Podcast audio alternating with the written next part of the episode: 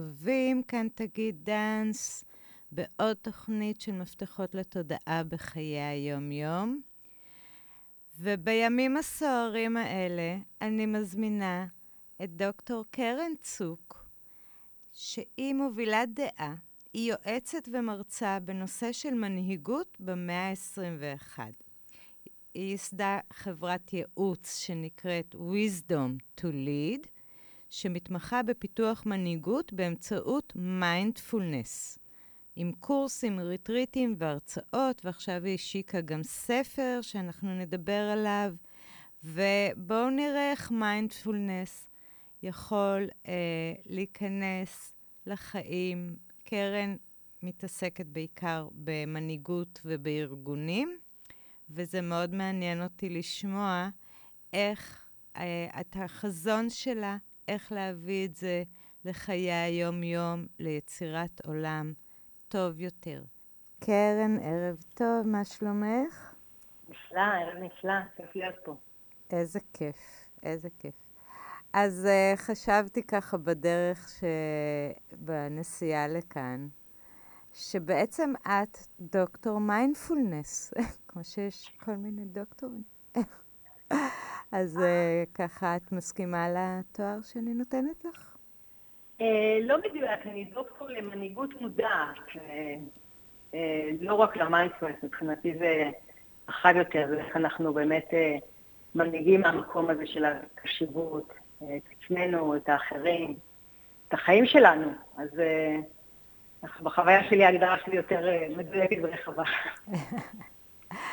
אוקיי, okay. אבל זה הדוקטורט שלך, אבל רק שנייה, רק בגלל שהתחלתי במילה מיינדפולנס. את יכולה בכמה מילים להסביר מה זה למי שמאזין לנו עכשיו או בעתיד ושומע המון את המילה הזאת? אפילו בדרך לכאן, למה חשבתי שאת דוקטור מיינדפולנס? כי ברדיו הייתה... שמעת, פרסומת. כן, פרסומת ליום פתוח באיפשהו מכללה, נכון. ואחד ה... השיעורים או משהו כזה, זה מיינדפולנס. אמרתי, וואו. כן, זה מצחיק, אני גם שמעתי את זה. אה, אז בשמחה, אני אתן קצת רגע בייעוד במושגים. אז קודם כל, מיינדפולנס זה באמת מושג באנגלית. אה, תכף אני אפרוט את כל הקשת המושגים בעברית, עוד לא מצאו את המילה המדויקת, ויש הרבה הגדרות שזה תחת אותה מטריה. אבל אני אתן... זהו, אז אני אתן רגע את ההגדרה הקלאסית של דוקטור ג'ון קבזין ואת ההגדרה שלי. אה, אז ההגדרה הקלאסית של דוקטור ג'ון קבזין זה בעצם היכולת שלנו להיות נוכחים כאן ועכשיו באופן מכוון ולא שיפוטי. מה זה אומר? כשאני עכשיו איתך בשיחה, אני כולי איתך בשיחה. עם המים שלי, אני לא חושבת על הילדים בבית, על העבודה, על הלקוחות, לא, אני כולי כרגע איתך בשיחה עם המים, עם הגוף, עם ההוויה, ואני נוכחת בצורה מלאה, ולא שיפוטית. אה, דוקטור ג'ון קבטין הוא בעצם הראשון שהביא את זה מעולם המזרח למערב. ב-1979 הוא היה רופא בדיון מסובל לבתי חולים, וככה ממש אמר להם שפציינטים שהם לא מרג... יכולים לתת להם מענה ללחץ, אה, ללחץ, לחרדה ולכאב הכרוני, שישלחו אליו. והוא פיתח פרוטוקול שנקרא Mindfulness Stress Reduction, ובעצם שלחו אליו, זה כולה שמונה מפגשים של מדיטציות, וזה עשה פלאים. אה, ובעצם, אז המדיטציה עוזרת לנו, אה, ממש משנה את מבנה המוח. מורידה את הפעילות באזור של הלחץ והחרדה, מגבירה את הפעילות באזור הקדמי שקשור לוויסות רגשי, ראייה מרחבית, והחלק המפותח בעצם. אז זו ההגדרה הקלאסית. ההגדרה שאני נותנת למיינדפולנס, שככה מבוססת באמת על המחקר שלי והניסיון, זה היכולת שלנו להיות מודעים לחוויות שאנחנו חווים. שחוויה יכולה להיות מחשבה שעוברת לי בראש, רגע שאני מעביר, מרגישה, תהליך שאני עוברת, בצורה לא שיפוטית, ושאני לא מנוהלת על אותה חוויה. למשל, אני, משפחה... אני רוצה רגע שתחדדי, כן. כשאת אומרת לא שיפוטית, אז למה את מתכוונת? כי אני מבינה, אני חושבת, אבל זה דורש פה חידוד. זה אומר לא להתחיל לשתות, הוא לא בסדר, אני לא בסדר, ולהתחיל ככה אה, להיות במיינד הביקורתי, לא לבקר, אלא רגע להצליח לראות את המציאות כמו שהיא. אוקיי, זה לא אומר שאנחנו לא רוצים לשנות את המציאות, אבל אנחנו לא נכנסים למוד של העצמית, של הקאה של האחר, של, של הביקורת המאוד מאוד גדולה שאנחנו רגילים אליה בעולם המערבי. שזה נכנס, לקבל... שזה נכנס כל הזמן בדלת האחורית, בלי שנשים לב אפילו. כן, אני חושבת שאנחנו בכלל בעולם הערבי מאוד מאוד ביקורתיים לעצמנו, לאחרים. אתה יודע, אנחנו גם מאוד מחופשים ככה במוח שלנו לראות כל הזמן את הסכנות, מה לא בסדר. כן. ואני חושבת שדווקא התקופה הזאת דורשת מאיתנו, אה, אנחנו רוצים, קוראים לזה בטופליים, כאילו לפרוח. כן. אנחנו צריכים לאמץ דווקא את המקום האחר, שמאפשר רגע להיות נוכח, שמאפשר לראות מה יש. כן. שמאפשר לראות את ההזדמנויות בלי כל הזמן המחשבה הטורדנית והביקורתית הזו, שבעצם מאוד מכווצת ומנטרלת בין ההזדמנויות שאנחנו. אני חושבת יותר מזה, אני, אני רוצה להגיד לך שכשאת מדברת, מה שעולה לי, שאנחנו נמצאים ברגעים שאני אישית ממש לא יודעת. אין לי שמץ של הבנה וידיעה, זה שום דבר שהיה קודם שאפשר להסתמך עליו, ואנחנו רק הולכים ומתפתלים בעלילה שאין לנו יכולת אחרת אלא להיות בה עם זוג עיניים אה, קשובות ואוזניים קשובות לעצמנו פנימה, לסיטואציות בחוץ, ובאמת אולי המיינדפולנס פה יכול מאוד מאוד מאוד לסייע, כי זה מצב שאנשים מאוד בחרדה ובמצוקה נפשית מאוד מאוד גבוהה עכשיו. בהחלט, בעצם המיינדפולנס עוזר לנו, את יודעת, אנחנו בתוך טרנספורמציה גלובלית, נכון? ועכשיו, ממש. it's here to stay, כמו שאומרים, היום זה, כמו זה הקורונה, היום זה פוטין, אחר זה משהו אחר. כן. זה המציאות החדשה שנאלץ להסתגל אליה. ובמקום להיות uh, ככה מובלים, uh, מונעים מריחות השינוי, ככל שאנחנו נתרגל את הנוכחות ואת היכולת להיות ברגע הזה, אנחנו נצליח להכיל את האי-ידיעה הזאת, את האי-ודאות. נכון. ואז יהיה לנו איזשהו עוגן לחזור אליו, יהיה לנו איזה center. מתוך השקט והשלווה וה center, שיהיה לנו נוכל לקבל החלטות הרבה יותר מושכלות, ונוכל לדעת להתנהל עם האי-ודאות. את יודעת, זה ממש המיומנות החדשה שאנחנו נדרשים להסתגל וללמוד אותה, איך להתנהל במציאות של אי-ודאות. ממש. אה, זה בדיוק, זה בדיוק הזמנים האלה, שכמו שאת אומרת, אם אנחנו לא מחוברים לפנימיות שלנו, אנחנו פשוט uh, נהיה כמו עלה נידף ברוח, או משהו ממש. כזה. ו- ו- ורמת המצוקה היא מאוד מאוד גבוהה. אני רואה את זה, אי אפשר להתעלם מזה. וואו, ואז באמת להכניס את הכלי הזה של אי שיפוט כדי לא להיקלע לתוך אה, אה, קצה זה או אחר. זה בעצם מגיע עם את יודעת, ככל שאנחנו מתרגלים יותר רגע את המדיטציה, את העצירה, את ההקשבה לעצמנו, אנחנו בעצם, קודם כל, את יודעת, שנייה אני חוזרת להגדרה של המיינדפולנס, איך ויקטור פרנקל מגדיר מיינדפולנס, הוא מגדיר את זה בתור הרווח בין הגירוי לתגובה. ככל. שאנחנו מרווחים את המקום הזה, יש לנו בחירה חופשית לבחור את ההתנהגות שלנו. וזה בדיוק זה, במקום שאני אהיה מנוהל על ידי הסיטואציות, אני יכול רגע לעצור ולנשום. עכשיו, ככל שאני מתרגל את המדיטציה, בעצם מסביר את הרווח בין המחשבות שלי, כי המוח שלנו כל הזמן עובד. רואים את זה בבודהיזם, the monkey mind, או the wandering. בעצם המוח שלנו כל הזמן במחשבות על העתיד, על העבר, על מה עשיתי טוב, מה לא עשיתי טוב. וככל שאנחנו מתרגלים יותר את הרגע לעצור, להתבונן, להקשיב לנשימה, לראות את המחשבה ולשחרר, אז אנחנו מייצרים מרווח יותר גדול בין המחשבות וגם בחוויה הפנימית. ואז אנחנו פחות נהיה מופעלים על ידי הגירוי, אלא יהיה לנו באמת יכולת אה, רגע לעצור, להתבונן, להתחבר לתחושות ולרגשות, ומהמקום הזה לבחור איך אני רוצה לעבוד ולהתנהל בעולם עם אותה חוויה פנימית, במקום שאני מנוהל. את יודעת, יש בזה יש סיפור יפה על שני סוסים, על שני, סליחה, שני אנשים שעמדו ודיברו, ואז פתאום הם רואים ככה פרש, אה, רוכב לעבר השני של הרחוב, אמרו, וואו, זה סוס יפה. המשיכו לדבר, אחרי שתי דקות הם רואים את הפרש חוזר לצד השני. אמרו, טוב, כנראה הוא התבלבל. אחרי כמה דקות ממשיכים לדבר, פתאום רואים אותו חוזר בחזרה. אז עצרו אותו, אמרו, תגיד, אנחנו יכולים לשאול אותך משהו? אז הוא אומר, בוודאי. אז אמרו, תגיד, לאן אתה בדיוק דוהר? כלומר, לאן שהסוס לוקח אותי.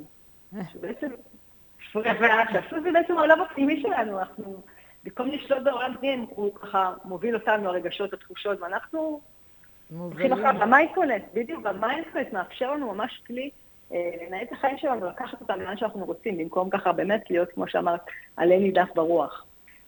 מהמם. מהמם, וזה בגלל זה כל כך מרתק אותי לדבר איתך, כי אני רוקדת סביב מיינדפולנס, יש לי מדיטציות שאני לפעמים מתרגלת, וכו' וכו', אבל באמת אני לא יכולה להגיד לך שזאת החוויה העיקרית שמובילה אותי, ולכן ממש... אה, שמחתי על, ה, על המפגש הזה שאת uh, תספרי ותרחיבי יותר. אני רוצה שנצא רגע לשיר, להתאוורר, ואחר כך אנחנו, אני רוצה לשמוע איך הגעת את לדבר, ואיך הגעת לעשות מזה דוקטורט בכלל, זה וכו'. אז קרן, תספרי לי בבקשה, איך הגעת למיינדפולנס, או איך הוא הגיע אלייך? אוקיי, okay. אז אני uh, התחלתי ככה לפני 20 שנה לתרגל בעצמי, ככה דרך מורים שונים ותרגולים שונים, ובעצם אני, יש לי חברת ייעוץ, אני 20 שנה uh, ייעוץ ארגוני, 20 שנה מלווה ארגונים בתהליכי שינוי, גדילה וצמיחה, בעיקר עובדת עם הנהלות ומנהלים. ואז uh, בשלב מסוים הרגשתי אחרי התואר השני שמעניין אותי ככה לחקור איך מנהיגים, מנהיגים בעולם החדש, איך, כאילו הרגשתי שחסר משהו, שהיה לחסר משמעות, איזו תחושה של אולי אביוז. אה, ומטעם, זה היה מעניין, מטעם איזה פרויקט שהיה לי דווקא בעבודה, הלכתי לאוניברסיטה ופיתחה איזה מאמר, אה, וזה היה הזמן שחקרתי מה אני אחקור, ואז נתקלתי במאמרים בהקשר של באמת מנהיגות מודעת בארגונים, וישר הבנתי שזה הנושא שלי. זה היה ככה עוד באמת בתחילת הדרך. כן. אה, ואז, ואז בעצם עשיתי חקר מוקיר, עשיתי ממש case study בחברת הייטק במשך שנתיים. כי עניין אותי מה קורה שהתיאוריה פוגשת את המציאות. זה נורא יפה שיש תיאוריות, אבל בסוף יש את המציאות, כמו שאנחנו יודעים. אז מה קרה שם? אז נכנסתי לחברה במשך שנתיים. קודם כל היה מעניין למצוא את החברה, כי זה כבר סימן לי משהו אחר. כי כשחיפשתי את החברה לעשות את המחקר, אה, שהייתי בטוחה שזה יהיה השלב הקל בתהליך, התבדיתי לראות שזה לא הקל, אבל אני זוכרת שנפגשתי עם קולגה, והוא אמר לי על איזה חברה שהוא עבד איתנו שיש להם חדר מדיטציה. כן, זה אגב... שזה היה לפני כמה זמן? היה לפני, לדעתי עשור בערך כבר. אה. ממש, ממש מתחילת התהליך שהתחלתי רק לחפש את הנושא, כאילו, כן. לא, פחות מעשור, הבנתי קצת. כן. אה, פחות, אבל אה, שזה אולי עכשיו יותר נהוג כבר לחשוב על חדר מדיטציה. כן, אז זה היה מאוד אה, לא, לא טריוויאלי. ואז הלכתי, ואז נפגשתי עם ה... התקשרתי למשאבי אנוש, ונפגשתי עם המנכ"ל, ואני זוכרת שם, את יודעת, רציתי שהוא ייתן לי להיכנס לארגון שלו, זה גם לא טריוויאלי. אז ניסיתי להראות לו מה יצא מזה, כי זה העולם, נכון, וצריך לראות מה אתה, מה אתה נושא כדי שייתנו לך בתמורה. אז אמרתי לו, תשמע, אני יועצת ארגונית, ואני יכולה לעזור לכם. ומה שהפתיע אותי זה התגובה שלו, אמר לי, תשמעי, יש לנו ילד, אנחנו כרגע לא צריכים, אני רוצה לחשוב, לראות איך אני יכול לעזור לך. שמבחינתי זה כבר הייתה תגובה לא טריוויאלית. אה, שפתחת דלת. כן, שמאפשרת, שבאה ממקום שירותי, שבאה ממקום של לשרת אותי, לאפשר לי, אה, בלי לחשוב אפשרות נתונים. שזה לא היה טריוויאלי, כי אפשר כן רצו דוחות, כן רצו לדעת מה להם, זה בטח לא טריוויאלי לפתוח אה, ככה את הארגון שלך למישהו שיבוא שנתיים ופשוט יחקור ויהיה חלק מהארגון. ובעצם מה שמצאתי, אה, מצאתי הרבה דברים, אבל מצאתי שהמיינדפולנס הוא המאפיין המרכזי שנידרש אליו כמנהיגים, כדי באמת להנהיג ארגונים מצליחים בעולם הפיננסי, ולרתום את העובדים מתוך משמעות פנימית, מתוך מוטיבציה, לאפשר להם להיות יצירתיים ולארגון להיות חדשני. ואז בעצם אה, תמיד עבדתי מהמקום של מיינדפולנס, אבל לא קראתי לזה ככה. ואז לפני חמש שנים פגשתי קולגה ש... אה, פתח תואר שני בהונג קונג, באוניברסיטת Poly U, אה, תואר שני שנקרא Executive Meaningful Innovative Leadership, והוא פתח שם 30 שעות קומפונדה של מיינדפולנס, והזמין אותי ללמד שם. ואז כשהתחלתי ללמד, הבנתי שאלו יהיו הכלים שאני אביא לארגונים, את יודעת שאת מכירה שפתאום כל הנקודות מתחברות לך? כן, זה קורה לי ממש עכשיו. אני, אני כן? יכולה... כן, כי מחר אני מתחילה אה, פעילות של שלושה ימים, ואת יודעת, התחלתי לעבוד על זה, ובאיזשהו רגע המושכות, הדבר לקח את דבר, וזה נהיה משהו אחר לגמרי שלא ציפיתי. ממש ככה. מדהים. כן, ממש. אז זהו, אז זה מה שגם לי, אז פתאום הבנתי, את יודעת, שהכלים שאני משתמשת באופן אישי ומתפתחת איתם במשך כבר 15 פלוס שנה, 20 שנה, פתאום הבנתי שאני אביא אותם לארגונים. ואז החלטתי לפתח קורס שנקרא Mindfulness Based Leadership וריטריטים, שבעצם זה קורס של מנהיגות קשובה שמשלבת מדיטציות וכלים מהעולם הייעוצי שלי, שבעצם קורס טרנספורמטיבי, שבאמת המנהלים לומדים להנהיג ממקום קשוב קודם כל לעצמם. רגע, רגע, אז מה קרה עם הדוקטורט? עשית את השנתיים בארגון. כן. ועל זה התבסס הדוקטורט. כן, זה היה Case study, ממש. וואו. כן, עכשיו יצא ממנו ספר עכשיו. מה זה? מה שקרה עם הדוקטורט, עכשיו יש את הספר שמתבסס עליו. נהדר. ובעצם, בעצם זה, כשאת אומרת ריטריטים, מה, מה זה אומר ריטריט?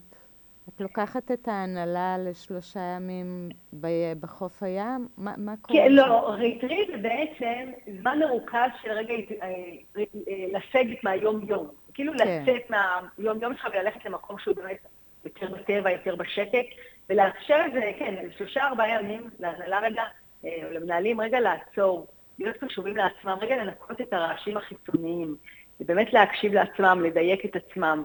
אם זה מתוך המדיטציות שעושים, אם זה מתוך השיח, הגילים של התמקדות, שבאמת איזשהו, תן כלים אחרים רגע להיות בנוכחות והקשבה לעצמנו. כן. מה שקורה בריטריטים האלה, זה גם מעמיק את התקשורת שלנו עם עצמנו, גם נוצרת בהירות נורא גדולה, וגם התקשורת עם אחרים, את יודעת, כל אחד הוא גם ראי של השני, אז מקבלים הרבה אינפוט גם מהקבוצה.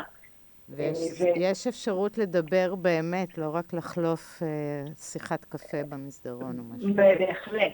ואת יודעת, היה מעניין, אחד מהמנהלים שבא לריטריט שלי, שהיה ככה, חיפש מה יעשה שהוא יהיה גדול. צחקנו, כי היה בן 57, mm. אבל הוא רצה לדעת מה הוא יעשה שהוא בשלב הבא. הוא ככה בא לריטריט מתוך באמת לייצר מרחב לשקט פנימי, לראות מה, מה הדבר הבא.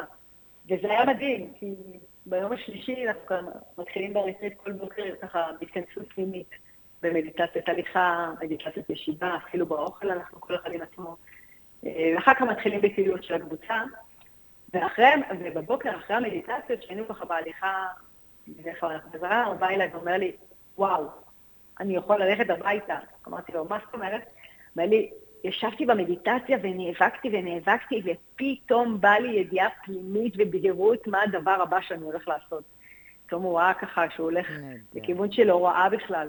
וזה היה נורא מרגש, שזה מה שזה מייצר, זה מאפשר לנו רגע, אתה יודע, כמו שיש עננים, יש לנו הרבה עננים, ופתאום זה מאפשר רגע לרווח קצת העננים ולראות את השמיים בצורה הרבה יותר בהירה. כן, את השמיים הכחולים שהם נמצאים ממש. מעבר לעננים, כן. איזה יופי, איזה יופי. אז כיום, אז על זה התבסס הספר, שכבר יצא לאור, וזה באנגלית. כן, יצא לפני חודשיים, נקרא Mindfully Wise Leadership. The Secret of Today's Leaders, כן, הוא באנגלית כרגע. איזה יופי. תתחדשי ומברוק וכולולו. תודה רבה, תודה רבה. זה מאוד כן, מרגש, ממש מרגש. ומה החזון שלך? מה את רואה עם הכלים האלה עכשיו שכתבת ספר, עשית את הדוקטורט, נכנסת לארגונים? מה, מה עוד יש שם?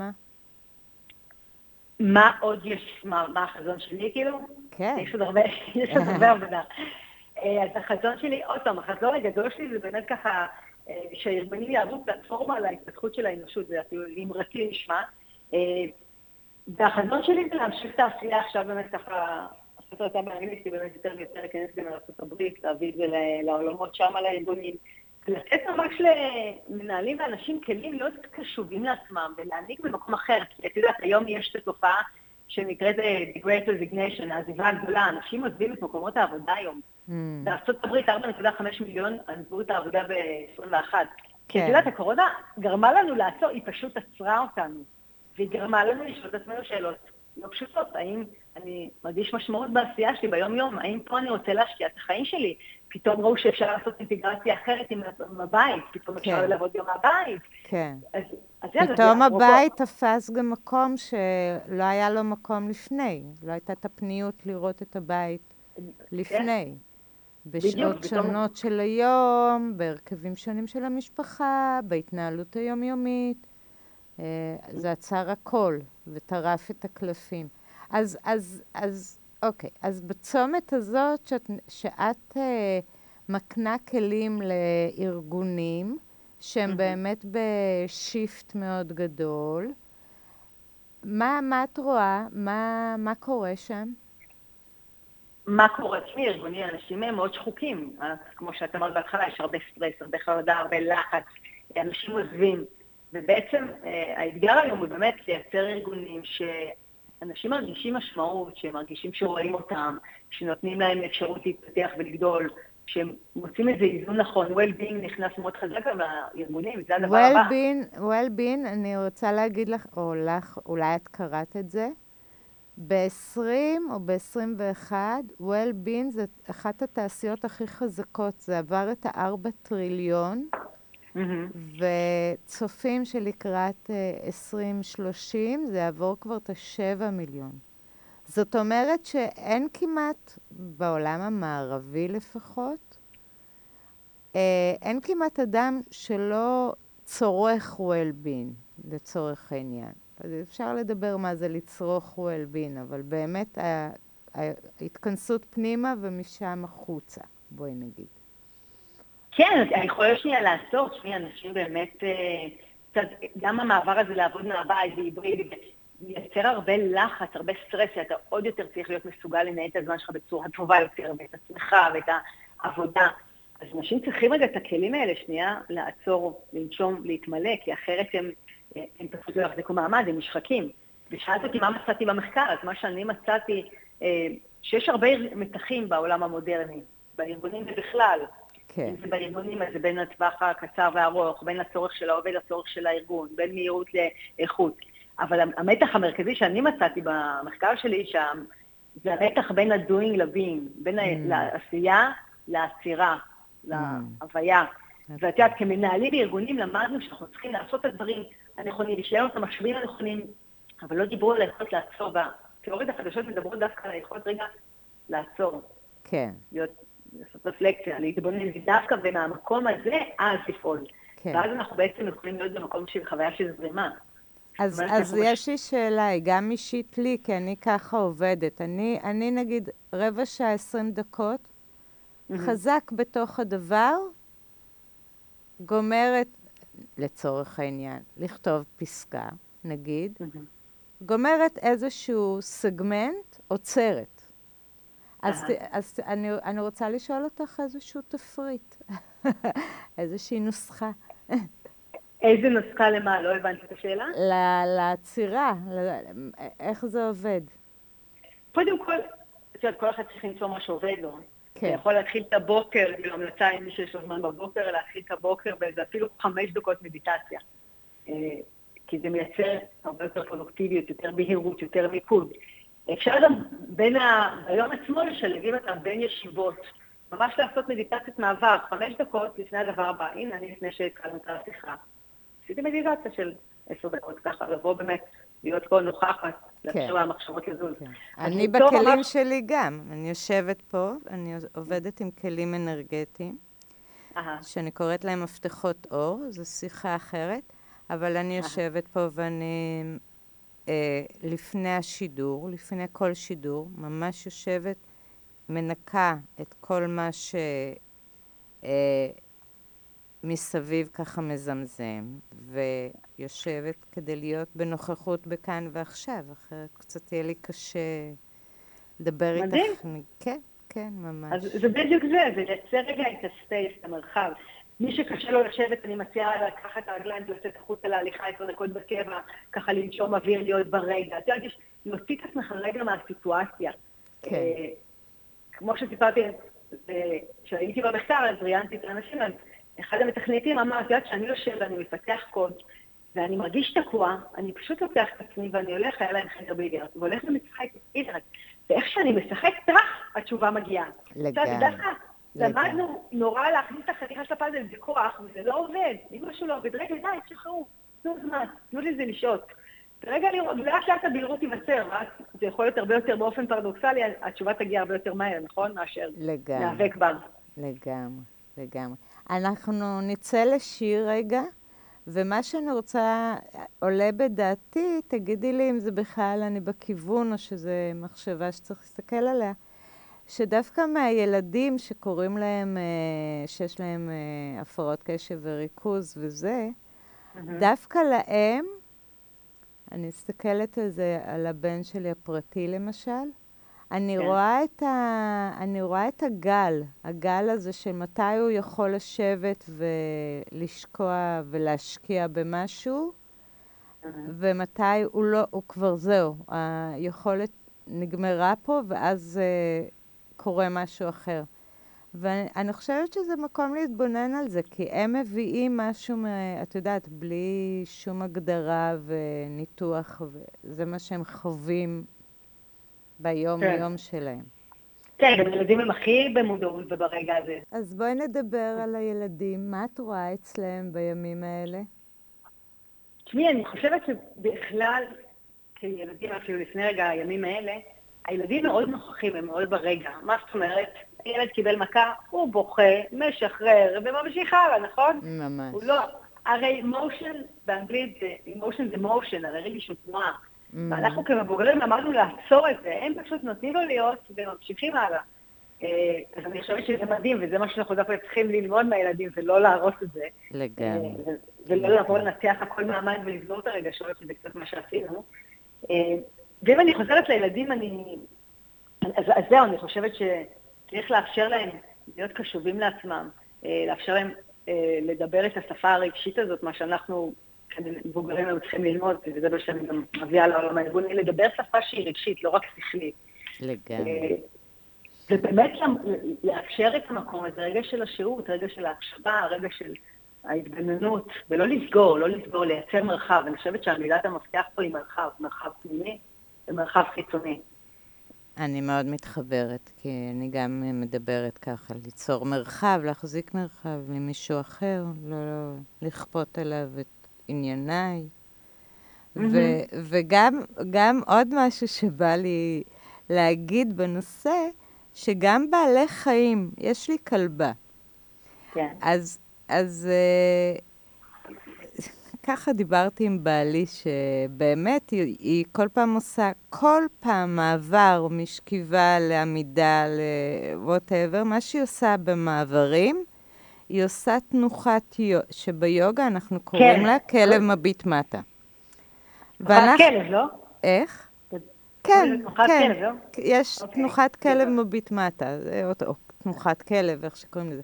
והיא, כי באופן אה, אינסטינקטיבי של, ה, אה, של החיווט מחדש ושל היצירת אה, תהליך גופני אחר, היא פשוט עושה את זה, ואני אומרת לבעלי, תראה, תראה, אנחנו עובדים כל הזמן לדייק את התנוחה, והיא עושה את זה כל הזמן, אבל התנוחה הזאת באמת מאפשרת רגע איזשהו אה, מנח אה, שלה זה לקראת הדבר הבא.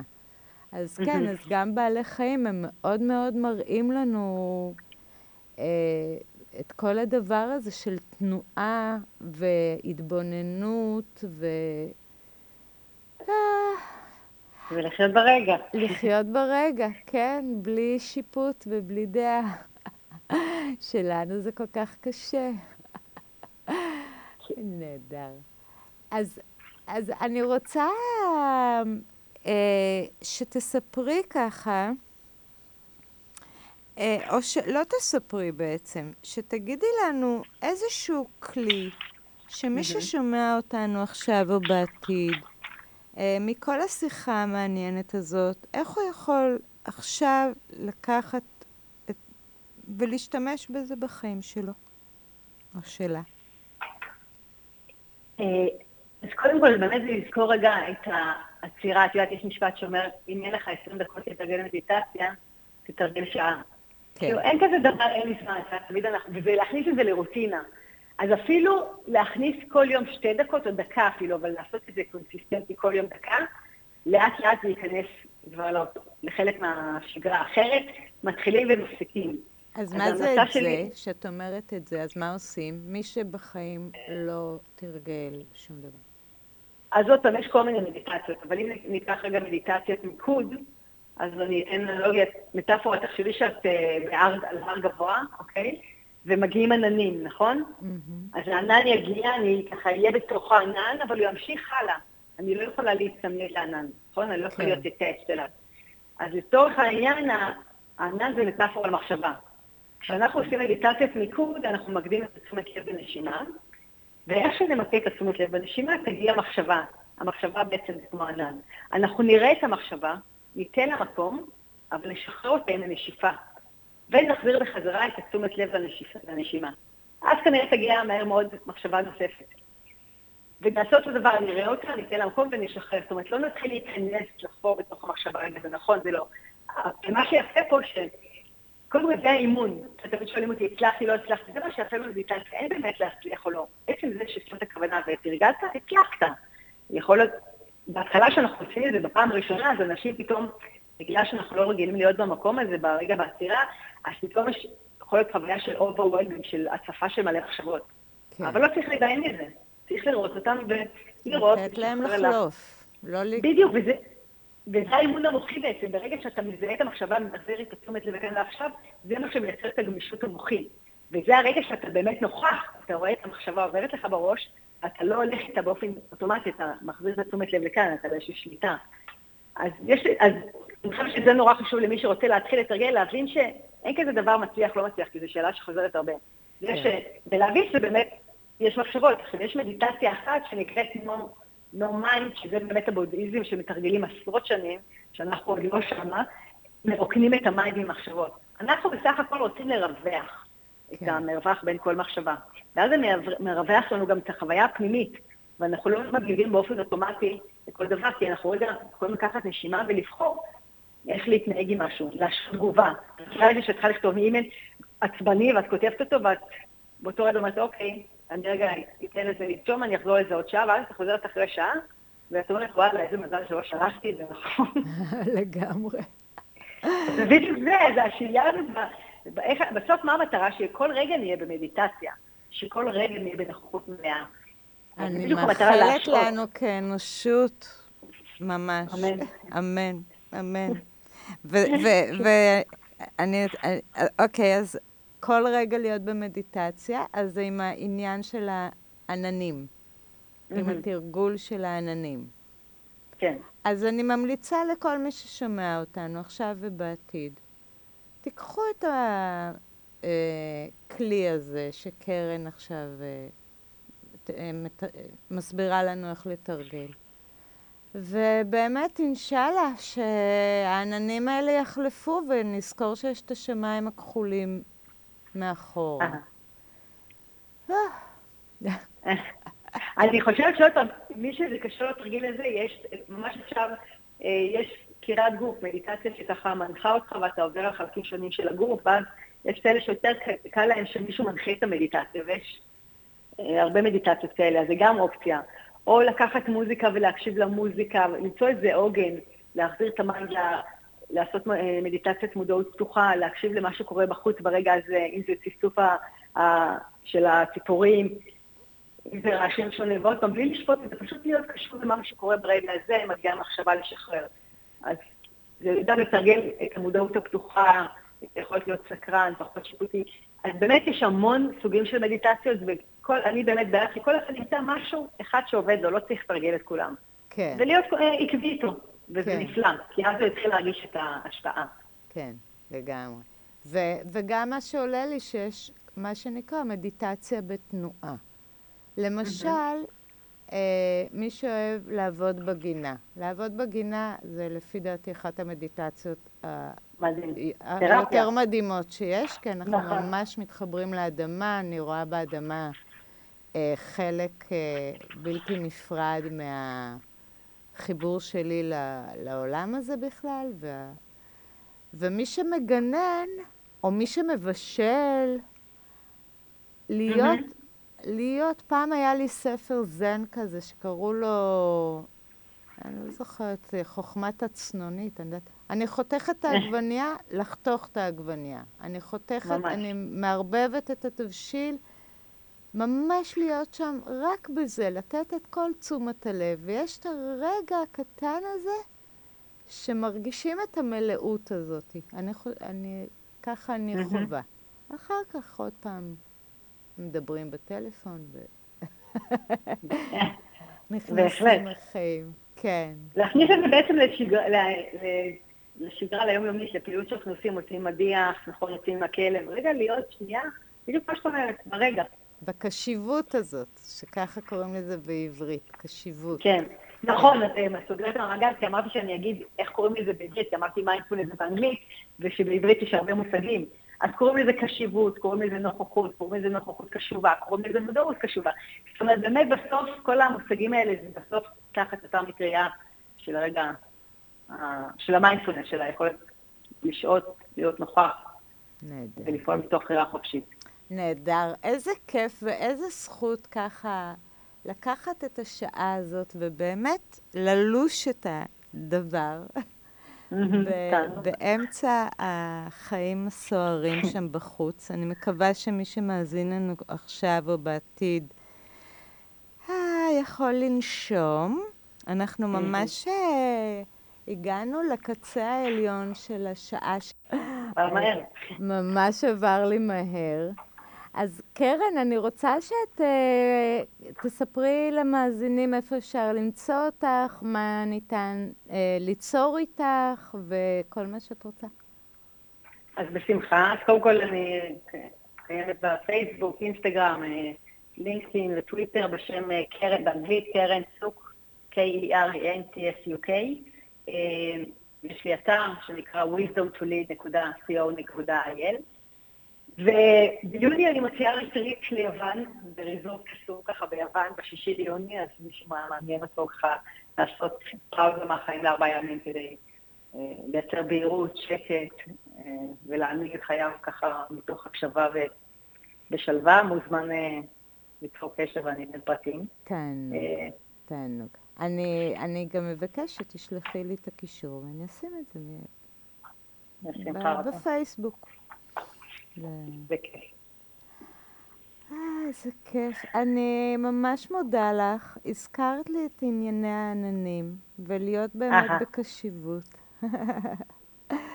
את יודעת, כל אחד אה, נצמד לאיזה משהו שעובד לו, ו... ואז פתאום את אומרת את זה, ואז אני אומרת, וואלה, נכון. כן. זה מטאפורה טובה. אז תודה רבה. תודה רבה לך. תודה. היה עונג גדול. ושבוע הבא, אורחת אחרת לגמרי, יום רביעי בשעה חמש. אתם תוכלו לשמוע את ההקלטה של התוכנית היום באתר שלי בפודקאסט, בפייסבוק שלי מפתחות לתודעה, תגיד דאנס, וביוטיוב. אז תודה, קרן. תודה רבה. תודה, שערב נהדר. ולהתראות. ね、いかが